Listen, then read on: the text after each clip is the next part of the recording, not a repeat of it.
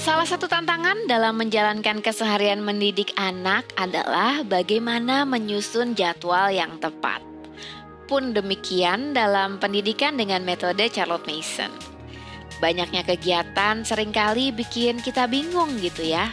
Sehingga tanpa jadwal yang pas rasanya akan banyak yang keteteran gitu.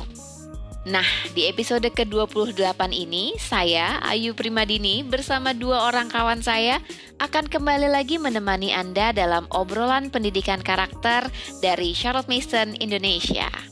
Wah, ngobrolin jadwal ya kita kali ini.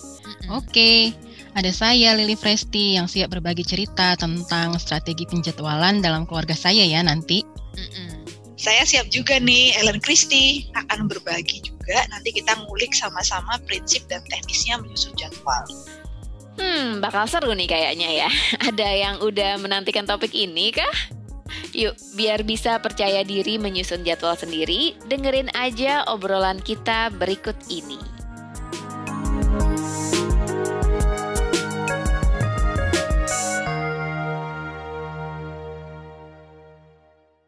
Eh, kalian sering nggak sih ditanyain soal jadwal belajarnya anak-anak gimana gitu? Wah, sering tuh, Li. Kadang-kadang ada tuh yang japri, minta fotoin jadwalnya dong, gitu. Langsung nodong ya. Ya orang tua peminat homeschooling biasanya awalnya emang ngerasa suka blank ya cara nyusun jadwal. Soalnya kan kalau dulu di sekolah kan apa-apa udah disusunin gitu di sekolah kan. Tinggal terima jadwal, terus tinggal eksekusi ya nemenin anak dan seterusnya. Nah, terus jadi waktu kita mau homeschooling itu kan peran menyusun kurikulum, menyusun jadwal itu kan balik ya ke tangan orang lain. Nah, jadi ya wajar juga sih ya kalau bingung gitu, mesti mulai dari mana. Kayaknya kita pun dulu pas awal mulai homeschooling kan juga gitu-gitu juga kan sebetulnya ya. Banyak eh, bingungnya, tanya-tanya, trial and error kayak gitu. Iya, emang wajar sih ya kalau orang penasaran sama jadwal belajar. Soalnya kan kadang-kadang para praktisi CM kayak kita nih suka share juga kan kegiatan belajar anaknya. Macam-macam pula gitu kan kegiatannya. Dari baca buku sejarah, puisi, resitasi, ntar ada handicraft, ntar ada jalan-jalan ke alam gitu. Pasti kan orang kepikirnya, ini gimana ngatur waktunya kalau kegiatannya segitu banyak gitu kan. Iya, emang jadwal ini termasuk hal yang sering banget dikepoin kan ya. Soalnya kan dengan adanya jadwal ini ibarat tools kan. Jadi kita bisa mempraktikkan segala macam gitu prinsip pendidikan CM di, keseharian kan gitu. Mm-mm. Nah, menurutku sih di satu sisi kalau ada yang tanya-tanya jadwal itu pertanda bagus ya. Mm-mm. Itu menandakan kalau orang yang bersangkutan itu bukan hanya tertarik pada filosofi CM-nya, tapi juga dia berniat menghidupinya dalam keseharian gitu. Nah, di sisi lain karena ngomongin jadwal ini kan sebetulnya teknis banget. Nah, kita yang ditanya itu suka bingung kan jawabnya. Mm-mm. Khawatir kalau misalnya langsung kita tunjukin atau langsung kita sodorin gitu, ya bisa menjebak gitu. Sekedar mengcopy jadwal kita tanpa paham dasar-dasar perencanaan dan penyusunan jadwalnya gitu. Mm-mm. Tapi mungkin buat sebagian orang kayak mereka juga nggak paham juga ya kenapa sih cuma dimintain jadwal aja kok kayak sulit banget gitu kan? Rasanya kenapa sih kok kayak bermasalah banget gitu kan tinggal share jadwal aja kok? Mesti bilang baca dulu filosofinya pahami dulu prinsipnya. Itu kan sering sering dikomplain ya kita praktisi CM kayaknya kok mem- mempersulit yang mudah gitu.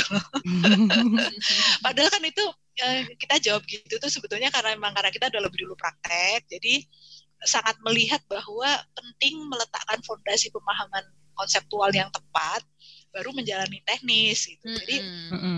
eh, mudah-mudahan teman-teman yang tanya gitu nggak kemudian salah paham ya karena maksud kita sebenarnya juga juga baik gitu ya supaya teman-teman itu nggak terjebak teknis karena Mm-mm. kan praktek teknis itu kan nanti kan bakal beda-beda banget di tiap keluarga jadi mesti disesuaikan dengan kondisi masing-masing harapannya kan seperti itu Iya. Mm-mm.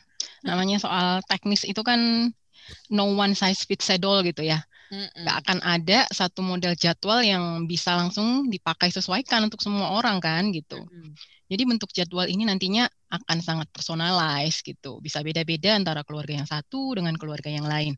Makanya ya kalau aku tuh ditodongin apa namanya, dinunjukin jadwal itu kesannya agak-agak pelit kasih contekan gitu emang kayak yang tadi Mbak Ellen cerita. Itu kan sebetulnya alasannya karena nggak pengen jadi salah dipahami kalau jadwal yang kita pakai itu jadi template baku gitu sih.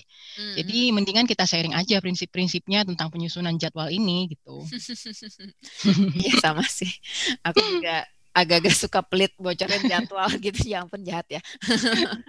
Tapi memang sama sih khawatirnya kalau langsung disodorin meskipun niatnya mungkin sekedar untuk gambaran ya biasanya kan mereka bilang gitu sekedar mm -mm. untuk gambaran aja kok gitu. Mm -mm. Tapi kalau nggak kenal banget dengan latar belakang penanya juga takutnya kan malah jadi sekedar nyuapin terus malah nggak mm -mm. mendidik gitu malah bikin kesannya nanti wah metode Charlotte Mason itu berat banget jadwalnya mm -mm. aja sampai kayak gitu gitu kan. Mm -mm. jadi jadi image yang terkesan malah bikin kesan CM itu berat gitu. Nah, mm -hmm. akhirnya kan nanti bukannya membantu malah mengintimidasi gitu kan. Iya, itu sudah jangankan dengan yang masih baru-baru CM ya, yang praktisi CM yang sudah terjun aja ngelihat praktisi CF yang lain kadang-kadang terintimidasi betul, juga kan. Betul. Jadi ya itu karena kita sudah tahu pengalaman seperti itu, makanya kita pengennya tuh membantu teman-teman yang baru ya, baru saja terjun jadi praktisi CM ini supaya malah berdaya gitu. Jadi uh -uh. akhirnya tuh bisa bikin jadwal sendiri, terus eh, nggak uh, harus nyontek, nggak harus terintimidasi oleh keluarga CM yang lama yang sudah punya jadwal yang sudah mapan ya tadi yang dibilang Lili ya nggak ada template baku dalam hal mm -mm. perlu kita refleksikan sih ya sebenarnya jadwal ini buat apa sih? Kenapa sih kita butuh jadwal? Prinsip-prinsip apa yang harus dipakai gitu ya? Iya iya. Perlu banget kita refleksikan. Nah kalau jadwal itu kan ibaratnya tools ya. Kalau tools itu berarti kan berfungsi sebagai alat bantu yang kita butuhkan dalam mencapai tujuan besar pendidikan kita. Jadi tetap ya ngomongin jadwal itu ya kita harus melihat big picture-nya dulu gitu. Dalam hal ini kan visi pendidikan kita. Hmm. Nah, kalau kita belum paham big picture untuk apa jadwal ini, malah bisa overwhelming loh, ya kan? Mm-hmm. Tuh, uh, jadi kalau misalnya tadi udah lihat jadwalnya so, uh, praktisi yang udah lama, yang udah maafan gitu, ih kok keren banget gitu kan? Aku bisa nggak ya? Itu kan udah overwhelm duluan gitu. iya, udah ribet duluan membayangkannya. Jadi tiap bikin jadwal itu harusnya memang jadi momen refleksi ya. Semua teknis itu adalah turunan dari visi besar pendidikan kita gitu. Hmm. Baliknya visi lagi, visi lagi. iya gitu. Padahal ini ngomongin jadwal ya. ya mudah-mudahan teman-teman nggak bosen ya diingetin soal itu. Gitu. Eh, aku suka tuh perumpamaan di bukunya David Hicks yang Norms hmm. and Mobility. Hmm, ya. Kan bilang bahwa menjalankan praktek pendidikan itu ibaratnya kayak petani membajak sawah. Kalau mau bikin bajak sawah tuh kan garisnya tuh kan mesti lurus ya.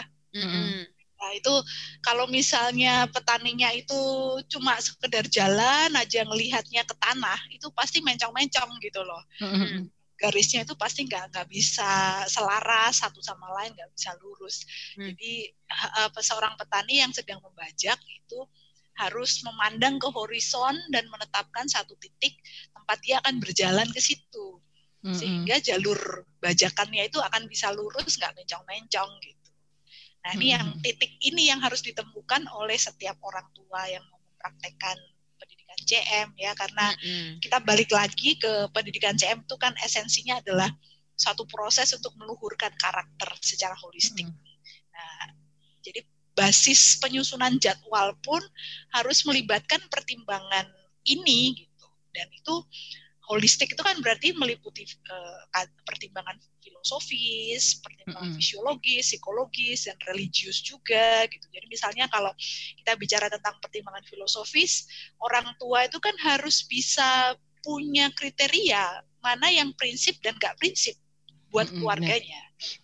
Jadi yang buat keluarga lain prinsip, buat keluarga kita mungkin nggak prinsip kan. Jadi mm -hmm. kita harus punya uh, fondasi untuk membuat kriteria itu sehingga ketika menyusun jadwal mana yang harus kita prioritaskan dan mana yang tidak perlu kita prioritaskan itu akan jelas gitu. Mm-hmm. Terus dari aspek fisiologi ya, kita nyusun jadwal tuh mesti disesuaikan dengan kapasitas jasmani kan, dalam hal ini jasmani anak. Jadi jelas kalau di jadwal itu misalnya nggak durasinya harus ada untuk uh, istirahat, harus ada mainnya, harus ada tidur siangnya untuk anak yang masih butuh tidur siang, jadwal makan jangan sampai nabrak dengan jadwal akademis dan seterusnya gitu mesti diselaraskan dengan hukum alam. Gitu. Terus psikologi itu itu berarti kita harus menyesuaikan uh, jadwal itu dengan tahap tumbuh kembang anak. Jadi pada fase ini dia yang harus prioritas dipelajari apa, itu yang bisa mampu uh, sesuai dengan kapasitas psikologisnya apa kayak gitu. Terus nanti ada pertimbangan religius juga karena kita kan keluarga sendiri beda-beda ya kebutuhan religiusnya apa, mm-hmm. kapan waktu sembahyangnya, kapan mm-hmm. waktu uh, apa ya bersama keluarga atau bersama komunitas religius kita, waktu mana yang kita dedikasikan untuk Tuhan secara personal dan seterusnya. Nah itu harus clear baru setelah itu kita rumuskan, kita susun jadwalnya. Mm -mm. Artinya jadwal ini memang harus sesuatu yang memerdekakan kita gitu ya, bukan yang mengikat terus bikin kita jadi terbebani gitu. Mm. Kita harus mampu juga ngukur kemampuan kita, kemampuan anak, terus paham situasi kita kayak Mbak Ellen bilang tadi gitu ya. Dari situ baru kita bisa susun jadwal yang emang bisa jadi tools untuk mencapai tujuan ya, mencapai visi tadi itu. Terus kalau emang di tengah jalan ternyata jadwal yang kita bikin ternyata terasa membebani ya bisa aja dinamis ya, bisa berubah, bisa disesuaikan lagi. Walaupun mm-hmm. bukan berarti terus dikit-dikit ganti atau dikit-dikit berubah ya. Mesti bisa ngukur juga apakah ini emang jadi beban atau sekedar malas gitu. Berat itu kalau pernah malas. ya jadi kita buang jauh-jauh dulu ya anggapan kalau jadwal ini tuh sesuatu yang baku atau berupa template yang udah fix gitu ya, no no gitu ya. Nah jadwal pun harus menggambarkan visi kita ya kalau kita bisa uh, simpulkan tadi ya dari awal ya. Visi itu uh, harus hidup di dalam jadwal yang kita buat gitu.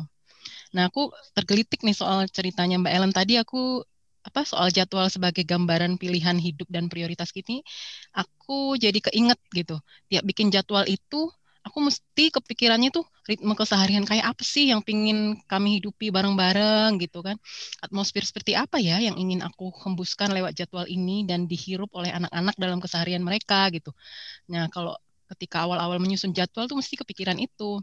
Di situ nanti muncul deh prioritas-prioritas mana yang pengen didulukan, kewajiban-kewajiban apa yang pengen dihidupi gitu. Misalnya ya, aku pengen anak-anak itu misalnya tumbuh dengan kebiasaan outdoor atau menghirup udara segar setiap uh, pagi hari gitu kan.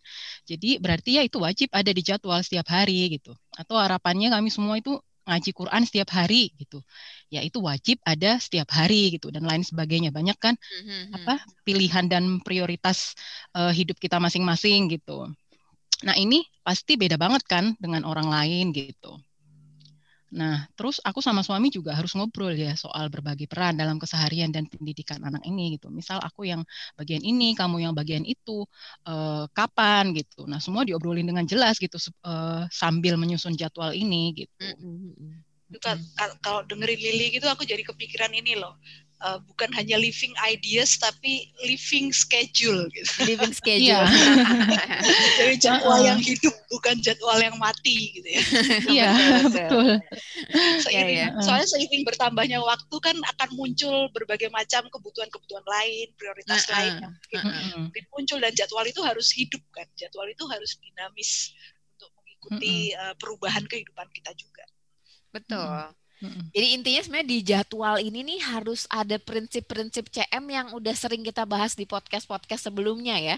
Harus iya, ada ya. uh -uh, harus ada instrumen pendidikan Charlotte Mason yang jelas gitu kan kayak atmosfer, disiplin, mm -hmm. life, hidup gitu kan itu harus dipakai semua tuh. Tentunya dalam menyusun jadwal kan.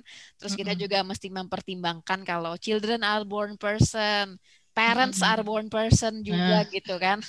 Mm -hmm. Terus kurikulum yang kaya, short lesson ya artinya mm -hmm. semua uh, aspek-aspek dalam pendidikan CM itu harus bisa dituangkan di dalam jadwal itu ya. Mm -hmm. Terkait aspek orang tua sebagai atmosfer itu kan ketika menyusun jadwal belajar anak itu berarti kita juga mengintegrasikan bukan hanya bukan hanya sekedar nyusun jadwalnya anak kan kita mesti mm -hmm. mengintegrasikan dengan jadwal kita sendiri juga gitu. Iya, betul. Mm -hmm. Dan di situ kan syarat-syarat CM sangat perlu dijadikan acuan. Jadi misalnya CM bilang e, berikan waktumu yang tersegar buat anak-anak. Mm -hmm. Itu kan berarti kita harus jangan sekedar nyusun jadwal suka-suka kita kan. Misalnya ah aku lagi uh, sempetnya buat anak jam sekian gitu. Padahal waktu itu tinggal sisa-sisa tenaga misalnya. Gitu. jadi kita harus harus pertimbangkan aspek aspek apa ideal yang diberikan oleh CM berikan waktumu yang tersegar dan waktu anak yang tersegar. Jadi kalau misalnya sesi akademis uh, secara fisiologis kan memang pagi hari itu waktu kita tersegar ya. Mm -mm. Nah, itu berarti kita perlu uh, taruh itu jadwal sesi akademis itu usahakan di pagi hari uh, supaya kita bisa lebih segar walaupun mungkin tidak semua keluarga uh, mampu ya atau memungkinkan untuk pagi hari. Tetapi kalaupun kita taruh di jam yang lain kita pastikan bahwa energi kita itu ada gitu loh untuk mendampingi sesi akademis anak. Terus misalnya CM bilang jangan lewatkan satu hari pun tanpa anak mendapatkan ide baru gitu kan ya. Nah hmm. terus itu berarti kalau kita masuk fase terstruktur kan kita perlu melihat bahwa sesi akademis dengan anak itu suatu prioritas gitu buat kehidupan kita. Jadi lebih baik durasinya pendek tapi bisa konsisten dilakukan tiap hari daripada ya ya kalau sempet kita kelas ya gitu sekali kelas lama gitu nanti kalau nggak sempet ya udah nanti bisa berhari-hari nggak kelas sama sekali nah itu nah, itu akan sebenarnya secara esensial uh, bertentangan nantinya dengan dengan saran-saran yang diberikan oleh CM. Mm -mm. Iya, artinya mm. harus nunjukin komitmen juga ya. Jangan sampai banyak ngabisin waktu untuk jam akademis, tapi sebenarnya kita sendiri nggak siap gitu dengan kesibukan kita yang lain gitu. Mm-hmm. Akhirnya dampingin anak malah kayak sambil disambi-sambi gitu, mm-hmm. sambil kepotong-potong, terus uh, atau bertele-tele nggak nggak nggak jelas gitu kan waktunya gitu. Lebih baik kita sih sediakan waktu yang singkat tapi uh, apa ya tapi kita bisa fokus sama waktu itu daripada kita dampingin seharian tapi kita sendiri jadi kayak kecapean sendiri dengan jadwal yang kita buat ya mm -mm. makanya jadwal emang penting banget sih sesuai sama kemampuan dan kondisi kita ya di tiap keluarga beda-beda mm -hmm. pasti ya iya iya prinsip lainnya itu kan soal kurikulum yang kayak ini gampangnya pelajarannya yang banyak ini kan harus diberikan dalam waktu yang singkat-singkat ya mm-hmm. short lesson gitu ya tujuannya selain supaya bisa menyajikan semua kurikulum yang kaya juga supaya waktu menyajikannya itu efektif menumbuhkan karakter anak seperti yang kita cita-citakan. Nah, misalnya kan supaya terbangun kebiasaan memperhatikan, supaya kerja akal budi mencerna ide itu bisa fokus, supaya anak tumbuh jadi pribadi berwawasan dan minat yang luas gitu. Jadi mau menyajikan kurikulum yang kaya itu ya nggak ngawang-ngawang kan dan ternyata itu obel banget gitu loh. Mm-hmm. Nah, bisa dilakukan dengan efektif juga gitu. Kalau aku sih mikirnya ini juga bagian dari apa ya, an effective working philosophy gitu loh. Mm-hmm. gitu. Ya, dan itu sesuai dengan hukum alam ya sebenarnya yang yang semua yang CM berikannya itu kayak short lessons itu Nah ini kan sekarang riset-riset kan udah konfirmasi kan bahwa uh, willpower atau kekuatan kehendak itu kan bisa capek gitu. Mm-hmm. Kayak otot otot kalau disuruh kerja terus menerus kan bakal kelelahan. Dia cocok banget kalau CM bilang bahwa durasinya pendek terus variasi. Variasi itu penting karena kalau setiap mata pelajaran pendek-pendek tapi berganti-ganti jenis ini akan membantu atensi anak untuk tetap segar. Iya, perlu banget ya memang ya bervariasi ini ya biar nggak monoton, biar seimbang antara pengetahuan-pengetahuan yang ingin kita sajikan jadi nggak sama terus gitu ya. jangan maraton misalnya baca terus atau narasi terus kan capek ya bosen juga lagian kalau udah hmm. capek udah bosen kan akhirnya anak-anak jadi nggak fokus terus malah jadi emosi gitu mm -mm. jadi penting banget ya di antara waktu baca narasi itu penting juga diselingi dengan kegiatan lain kayak misalnya menyalin, hmm. nanti nyanyi-nyanyi folk song gitu lagu rakyat hmm. gitu kan atau latihan musik atau jalan-jalan ke alam, terus lihat uh, lukisan, terus matematika ya kayak gitu-gitulah ya, mesti pinter-pinter kita ngaturnya memang. ya dan terus itu ya uh, kita mesti hati-hati dengan ego kita sendiri gitu Hmm. Karena sebagai orang tua kan kadang kita uh, menomorsatukan ambisi tanpa sadar gitu ya, tanpa me mengukur banyak pengennya uh, realitas anaknya bagaimana gitu.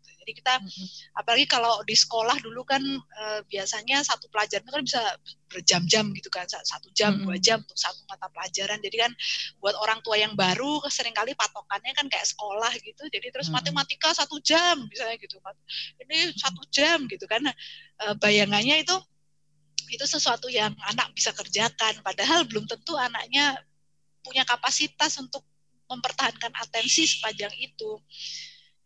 Uh, kita sebaiknya selalu melihat realitas anaknya. Kalau misalnya awalnya kita bikinin jadwal, belajar baca dan narasi 30 menit misalnya gitu. Terus waktu kita sesi kita lihat tuh anak baru 15 menit udah gerambiang gitu ya udah matanya kemas ke sana kemari udah nggak mampu konsentrasi ya udah nggak usah segan-segan pangkas dulu durasinya. Jadi 15 menit aja. Jadi yang penting fokus dulu daripada nanti panjang tapi terus anaknya ternyata nggak nggak sanggup uh, bisa memperhatikan. Betul.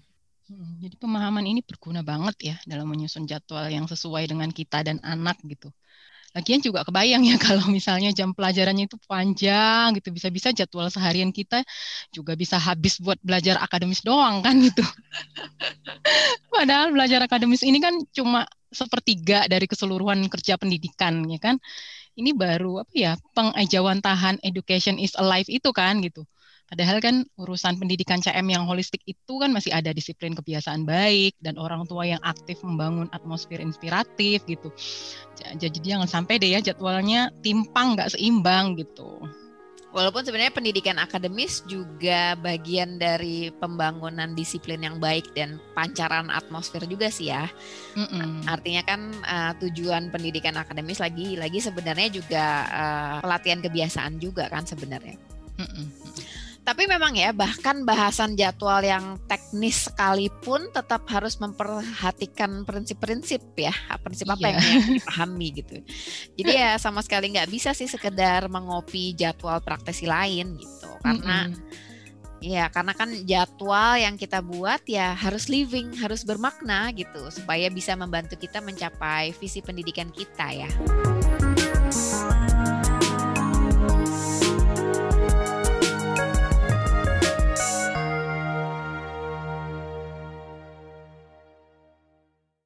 Nah, tadi kan kita udah bahas prinsip-prinsipnya ya.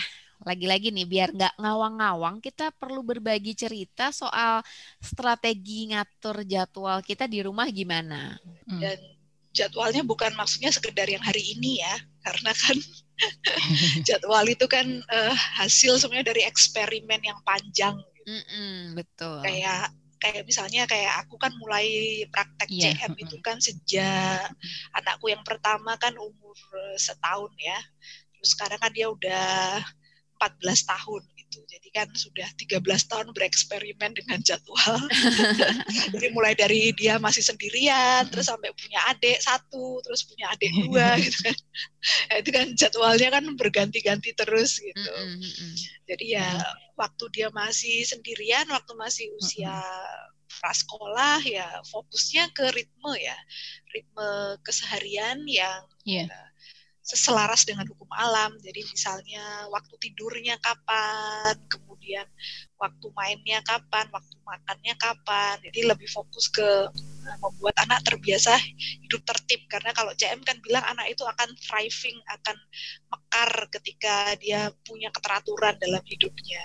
Jadi ya mm-hmm. itu menjalankan uh, keseharian yang uh, ada keteraturan buat anak prasekolah anak itu bangun itu sudah tahu apa yang akan terjadi sepanjang hari itu kecuali ada hal-hal yang darurat ya menimbulkan rasa aman juga ya untuk anak-anak prasekolah ya kalau ada jadwal yang tetap gitu ya. Ya dan anak-anak akan jadi yeah. berperilaku lebih baik sih kalau mm. misalnya ada jadwal yang jelas. Kalau semuanya serba apa ya istilahnya uh, arbitrary ya, jadi ganti-ganti terus gitu ya. Orang tuanya gak jelas gitu. Apa prioritas dalam kehidupannya hari ini gitu. Dari hari ke hari nggak ada benang merahnya. Itu nanti anak akan lebih gampang emosional karena dia kayak bingung gitu kan. Hari ini aku harusnya ngapain ya gitu kan. Mm -hmm. jadi mm. uh, keteraturan itu sangat sangat akan membantu sekali dia untuk meregulasi kehidupannya sendiri gitu. Nah terus waktu itu kan Vima itu punya mm -hmm. adik kan umur tiga tahun Jadi ketika dia punya adik, ya berarti jadwalnya dia juga uh, ya tetap ritmenya tetap, cuma kan tinggal kemudian uh, diintegrasikan dengan jadwalku sendiri yang aku harus ngurusin adiknya. Berarti jadwal dia berjalan tetapi harus didampingi oleh uh, orang lain. Jadi sebagian kerja pengawalan uh, jadwalnya Vima kan aku pasrahkan ke asisten gitu untuk untuk ngawasin dia. gitu.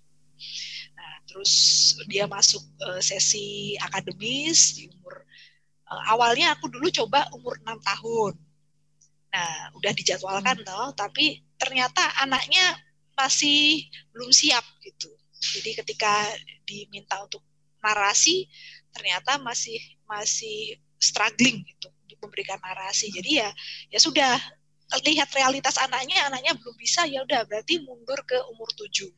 Dan makanya sampai sekarang aku selalu merekomendasikan lebih baik mulai umur tujuh daripada umur enam karena hanya beda setahun tuh ternyata Siap, ya. uh, perubahan fisiologis dan psikologisnya tuh beda banget gitu yes. banyak banget mm-hmm. perubahannya di umur tujuh mulai dengan hanya eh, sekitar sejam ya sehari ya jadi waktu itu belajar membaca 10 menit gitu terus menulis lima menit hanya tiga huruf misalnya sekali sesi gitu terus habis itu uh, narasi narasi uh, waktu itu ada mungkin sekali sesi itu bisa dua buku narasi uh, tapi kan pendek-pendek ya yang dibacakan terus matematika matematika tuh paling cuma 15 menit. Udah gitu selesai ya udah sesi akademisnya cuma cuma pendek itu aja karena kan lebih ke arah membiasakan dia dulu aja gitu. Nah terus habis hmm. itu makin lama ketika itu sudah sudah terlihat papan anaknya sudah terbiasa uh, tantangan dinaikkan durasinya diperpanjang terus subjeknya ditambah kayak gitu. Nah, jadi itu terus ketika adiknya juga sudah masuk uh, masa fase terstruktur juga berarti ja, tinggal jamnya sekarang aku geser. Kalau tadinya Vima bisa pagi banget gitu. Karena sekarang udah ada adiknya berarti adiknya didahulukan dulu sebentar hmm. terus baru Vima kayak gitu kan nah itu hmm. jadi diatur gitulah akhirnya hmm. uh, sekarang karena durasinya udah panjang-panjang semuanya kan kalau Vima itu kan kelas dari mulai setengah sembilan sampai jam 12. Nah, sementara Gandhi itu eh, dari jam 9 sampai jam 12. Jadi uh, itu kan overlap ya jamnya itu ya. Maka uh, jelas sudah aku nggak bisa sendiri. Jadi sebag sebagian uh, yang Gandhi fase awal itu dipasrahkan ke ayahnya gitu, papahnya untuk dampingin, terus nanti aku baru dampingin jam 11 sampai jam 12, sementara Vima aku dampingin dulu, nanti terus jam 11 12 dia break aku gantian dampingin Gandhi. Jadi gitu sih. Mm-hmm. uh, tinggal kita kebutuhannya apa terus nanti secara teknis disesuaikan aja. Mm-hmm. sama sih ya kurang lebih kalau soal uh, kedinamisan memang penting ya dalam bikin jadwal gitu ya yeah. kalau aku pribadi tuh apalagi ya kita keluargaku maksudnya kan sering pindah ya. Kita keluarga sering pindah jadi harus sangat-sangat dinamis gitu kan rasanya. Soalnya setiap kali pindah di tempat baru pasti kan uh, ada penyesuaian ya, harus ada adaptasi dengan kondisi sekitar sekitar situ gimana, belum harus beres-beres atau apa gitu. Nah, Dulu sih kalau setiap kali baru pindah penyesuaiannya cukup lama ya, adaptasinya cukup lama gitu bisa sebulan lah gitu. Sebulan tuh biasanya kita nanti nggak ada jadwal akademis atau kita fokus beres-beres rumah dulu, fokus lihat-lihat lingkungan dulu apa yang bisa dimanfaatkan gitu kan. Tapi lama-lama karena sudah sering pindah, akhirnya kita sekarang uh, adaptasinya cepat gitu. Biasanya paling ya uh, beberapa hari aja yang penting semuanya udah beres nanti kita bisa mulai lagi ya belajar akademisnya gitu. Mm-hmm. Biasanya sih uh, ada memang ada poin-poin prinsip-prinsip yang memang uh, akan tetap sama ya di mana pun berada gitu kayak pelajaran-pelajaran akademis yang kayak uh, sejarah gitu belajar baca dari buku dari narasi terus udah gitu uh, picture study uh, musik dan lain sebagainya biasanya itu kan poin-poin yang memang akan tetap sama ya di mana pun kita berada gitu. Tapi uh, yang agak beda biasanya ini uh, masalah uh, lingkungan sekitar gitu. Apakah ada lingkungan sekitar alam yang bisa dimanfaatkan secara secara intensif gitu kan. Nah, biasanya kita memadukannya di situ. Jadi kayak ini nih beberapa waktu ini kan aku lagi pindah ke daerah yang lebih apa ya lebih desa lah dibanding yang aku biasa tinggali gitu kan ya akhirnya itu jadi masuk jadwal gitu jadi yang kalau sebelumnya biasanya kita nggak ada jadwal outdoor pagi gitu kalau kayak Lili kan biasanya ada ya kalau aku kalau dulu zaman tinggal di kota yang gede jadi nggak ada tuh jadwal outdoor pagi gitu. Kalau sekarang jadi ada gitu. Pagi kita wajib dulu keluar, wajib nature walk pagi. Nanti karena aku pegang dua anak sekaligus ya. Jadi uh, ada yang aku combine gitu. Ya anakku yang gede si Taci kan 12 tahun, si Tara 9 tahun nih. Jadi ada pelajaran-pelajaran yang memang Taci sudah lakukan sendiri. Jadi ada beberapa pelajaran kan yang udah dia bisa baca sendiri dan dia bikin narasinya bentuk tertulis. Nah, jadi dia bisa mandiri tuh udah ngelakuinnya. Nah, jadi di saat Taci melakukan hal-hal yang mandiri itu nanti aku menemani adiknya. Misalnya dia harus baca dan aku yang harus bacakan. Nah, itu saat-saat di mana aku nemenin adiknya gitu. Nanti ada juga yang aku combine gitu. Jadi satu buku aku bacain buat berdua dan narasi bareng nih berdua gitu. Karena anakku kebetulan jaraknya juga mungkin tidak terlalu jauh, hanya berjarak tiga tahunan dan aku pikir kalau ada satu buku yang memang bisa dijangkau berdua ya nggak masalah sih gitu. Nggak nggak terlalu peduli dengan ini sebenarnya buku untuk year berapa gitu. Tapi kalau emang ini bisa dipakai untuk dua-duanya dan dua-duanya bisa cukup mengerti dan bahkan diskusinya bisa jadi lebih enak ya ya udah dipakai gitu. terus juga memang penting ya. Jadi uh, untuk dalam nyusun jadwal ini kita uh, membagi-bagi. Jadi mana ada yang pelajaran harian mana yang pelajaran mingguan ini yang uh, jadi patokan banget sih kalau buat aku pribadi untuk nyusun jadwal yang asik gitu ya misalnya jadwal harian kalau di aku kan kayak matematika matematika ini biasanya biar nggak overwhelm kan harus short lesson ya Nah, karena short lesson banget ya maksimal setengah jam deh kalau anak-anak tuh belajar matematika. Karena setengah jam, karena cuma sedikit-sedikit ini makanya harus tiap hari ya. Terus selain itu juga ada baca gitu, read aloud ya dalam hal ini, read aloud. Terus udah gitu uh, nulis ya, kalau nulis juga harus tiap hari. Nulis menyalin ya, kayak copy work gitu. Terus baca puisi juga setiap hari kalau di uh, keluargaku beda usia biasanya beda pelajaran dailynya ya. Kalau buat Taci bahasa asing tuh bahasa Inggris gitu karena buat aku bahasa Inggris masih termasuk bahasa asing ya. Karena ada tuh keluarga yang bahasa Inggris sudah kayak bahasa ini ya, bahasa sehari-hari. Gitu. Ya. Kalau hmm. karena aku bahasa asing bahasa Inggris masih jadi bahasa asing jadi itu buat Taci buat Taci sudah masuk pelajaran harian juga gitu. Nah, gitu sih. Jadi uh, kurang lebih belajarnya menghabiskan waktu kalau Tara itu sekitar dua jam ya dari jam 9 sampai jam 11. Kalau Taci kira-kira dari setengah 9 sampai setengah 12 lah gitu. Iya, kurang lebih sama sih ya. Gambaran besarnya itu sama gitu. Nah, di rumah juga gitu sih. Jadi kalau ketika menyusun jadwal itu awal-awal itu ya supaya mudah itu aku biasanya mulai dari ini sih. Uh, yang wajib-wajib ada di jadwal itu apa gitu. Nah, mm-hmm. selebihnya, nah, selebihnya ya udah waktu luang atau waktu tenang untuk masing-masing atau mungkin orang tua waktu kerja gitu ya. Mm-hmm. Mm-mm. Yang, yang wajib-wajib itu kan termasuk jam belajar akademis ya kalau kita ngobrolin tadi kan. Nah, itu itu jam kalau di rumah itu jam belajar akademis itu dari jam 9 sampai setengah 12 gitu. Kadang kalau misalnya kita masih mau pengen sesuatu itu bisa sampai jam 12 bisa gitu.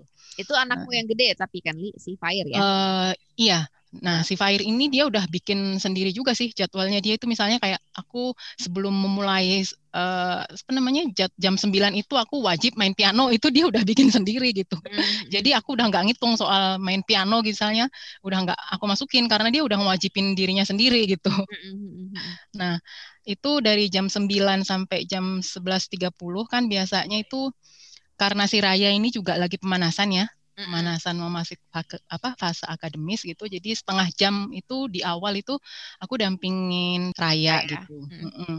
lalu uh, itu si Fire itu udah tahu sih uh, apa namanya uh, apa yang dia lakukan gitu kalau ketika aku mendampingi Raya gitu nah ini balik balik lagi dulu ya, maksudnya biar tergambar. Nah, yang wajib-wajib lainnya itu misalnya itu jam sholat, ya kan, makan, terus siap-siap tidur atau uh, ngaji malam itu kan waktu bersama keluarga termasuk refleksi malam gitu kan wajib gitu. Nah, itu aku masukin deh ke jadwal gitu. Nah, terus sore juga anak-anak kalau nggak ada kegiatan khusus itu biasanya dia keluar rumah atau main sama tetangga, ngeluyur sepedaan gitu. Nah, kalau pagi kita wajib ada outdoor, nature sambil nature walk gitu kan. Dan gotong royong urusan domestik gitu. Mm-mm. Ini penting banget ini gotong royong urusan domestik untuk menjaga flow apa namanya uh, supaya ritme keseharian itu berjalan dengan baik sesuai yang kita harapkan gitu. Iya, jadi pakai prinsip uh, bagi-bagi peran ya dan uh, prinsip sukarela. Kalau misalnya perannya udah selesai, yuk bisa langsung backup yang lain biar cepat selesai gitu kan. Iya, yeah, yeah. gitu. Jadi kelihatan kan kalau apa namanya ya jam belajar akademis ini sebenarnya kan cuma sebagian dari urusan besar pendidikan ya secara holistik dan mm-hmm. sebagian dari jadwal besar keseharian kita gitu. Mm-mm. kebetulan kan apa ya karena jadwal ini juga kan sebenarnya kan ya itu kayak tadi Ayu bilang bagian dari habit training juga kan Mm-mm. mulainya kan dengan prinsip ya Mbak Ellen juga tadi udah sempat singgung prinsip apa ya membangun rutinitas yang berulang kan sampai mapan gitu. Dan sekarang rasanya udah kayak ngeflow aja gitu sebagai ritme hidup sehari-hari terutama kalau kita itu sedang berada di rumah aja kan gitu. Nah, kalaupun misalnya kita harus keluar rumah ya kita tinggal kecap aja yang bisa dilakukan dan let go jam belajar akademik juga nggak apa-apa gitu ya fleksibel aja gitu. Uh, gitu. Karena ya kita udah tahu sih ya itu nggak masalah gitu loh hal-hal teknik ataupun uh, apa ya penyesuaian penyesuaian kecil gitu nggak masalah gitu uh, dalam keseharian gitu. Nah mungkin balik terkait terutama kalau ya? itu ya masa-masa sebelum pandemi ini kan kita mungkin banyak ya waktu keluar rumah ya Mm-mm.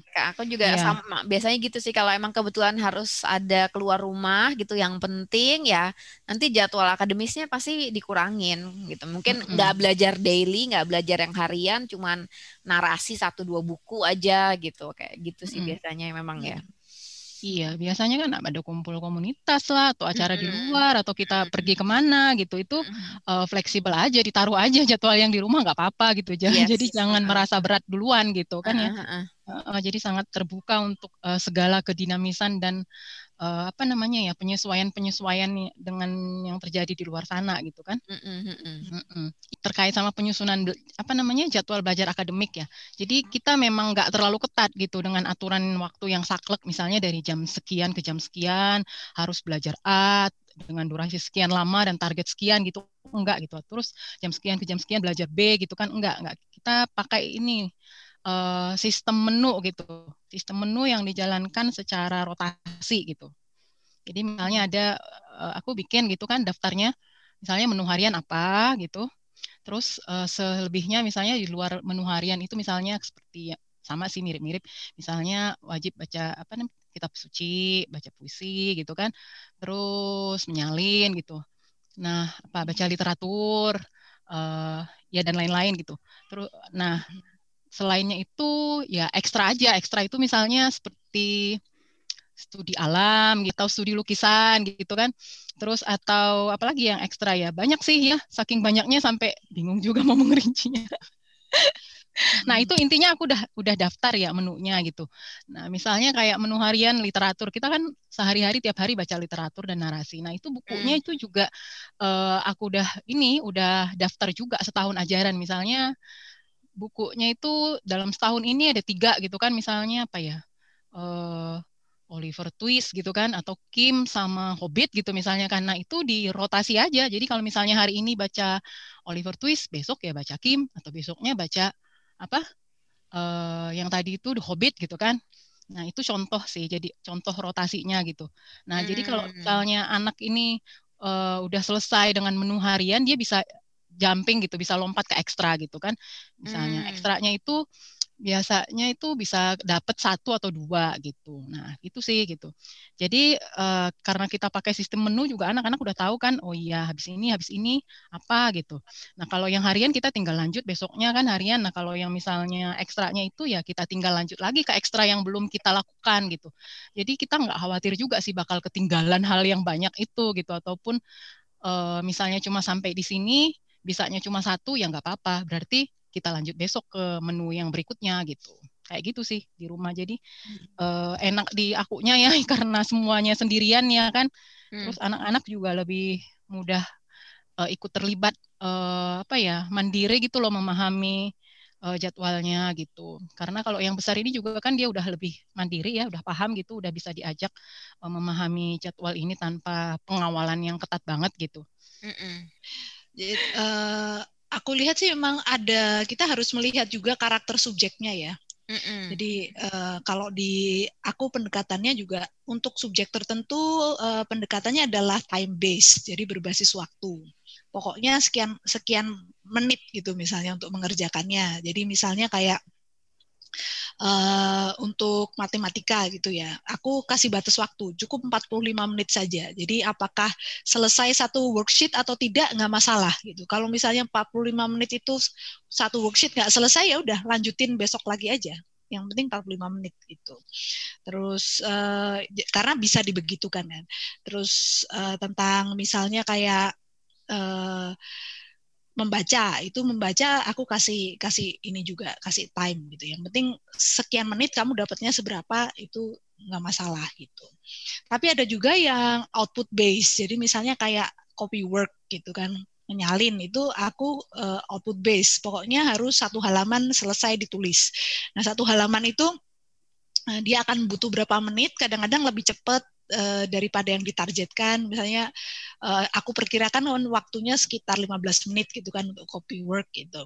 Tapi ternyata kalau dia nulisnya bisa uh, cepat, dia bisa lebih cepat dari itu. Tapi kalau ada sisa waktu maka anak akan uh, bisa menggunakannya bebas gitu kan. Dia dia bisa lebih punya banyak waktu bebas. Jadi anak atur sendiri. Terus juga yang dari Lili tadi aku pikir perlu di-highlight bahwa uh, tujuan akhir kita adalah self education kan. Jadi akhirnya anak itu harus nantinya bisa benar-benar uh, jadwal kurikulum atau apa pun itu pada akhirnya akan makin lama makin dialihkan untuk anak bikin sendiri dan anak mengawal dirinya sendiri begitu. Uh, semakin lama itu akan porsi itu akan semakin besar.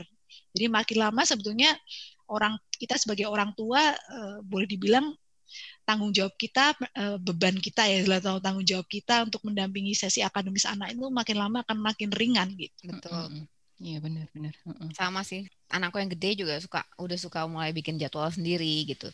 Saya jadi uh, setiap awal term gitu kalau aku satu term itu kan eh satu tahun itu empat term ya. Setiap awal term aku cuma akan nentukan buku-buku apa aja yang perlu dibaca dalam term itu. Nanti dia akan ngatur jadwal sendiri. Paling paling yang perlu diatur adalah mana nih buku yang harus dibaca sama adik gitu atau butuh pendampingan mama gitu. Nah itu itu yang diatur. Sisanya nanti dia ngatur jadwal sendiri sih biasanya. Mm -mm. Paling ya itu kita bantu bantu dengan porsi ya. Jadi biar oh, anak juga betul. terbiasa paham kan yang short lesson itu seperti apa gitu. Mm -hmm. Bisa misalnya di menu-menunya itu kita udah sekalian kasih porsinya seberapa gitu. Nah, memang benar sih. Jadi kayak bagian dari uh, apa namanya ya latihan kebiasaan baik dan itu kayak yang tadi Mbak Ellen bilang itu ya belajar mandiri juga ya gitu. Sama dia juga hmm. belajar mengukur kemampuan dan mengenali dirinya sendiri juga ya kalau anak-anak iya, makin gitu. besar ini ya. Jadi hmm. kayak oh suka bilangan soalnya aduh aku tuh nggak bisa kalau abis dari narasi tertulis nanti misalnya harus baca ini lagi gitu. Aku harus diselingin. Hmm. nah berarti kan dia bisa iya, mengukur kemampuan suaranya iya kalau yang kecil-kecil sih ada keuntungannya ya dia dapat atmosfer kan ya dari yang sudah terbangun itu kan. Uh, jadi kita tinggal ini aja apa namanya uh, mengikutkan aja sih gitu dan dia harus didulukan gitu. Nah ketika itu hmm. ya udah kakaknya mandiri dan kita kasih apa namanya ya ya kita tunjukin kita bantu dia juga untuk uh, apa ya memahami jadwal kita supaya bisa mandiri gitu. Memang biasanya adik-adik ini uh, lebih mudah ya masalah jadwal terus masalah belajar akademis tuh adik-adik itu biasanya cenderung lebih mudah gitu karena udah ada atmosfer dari kakak kan soalnya.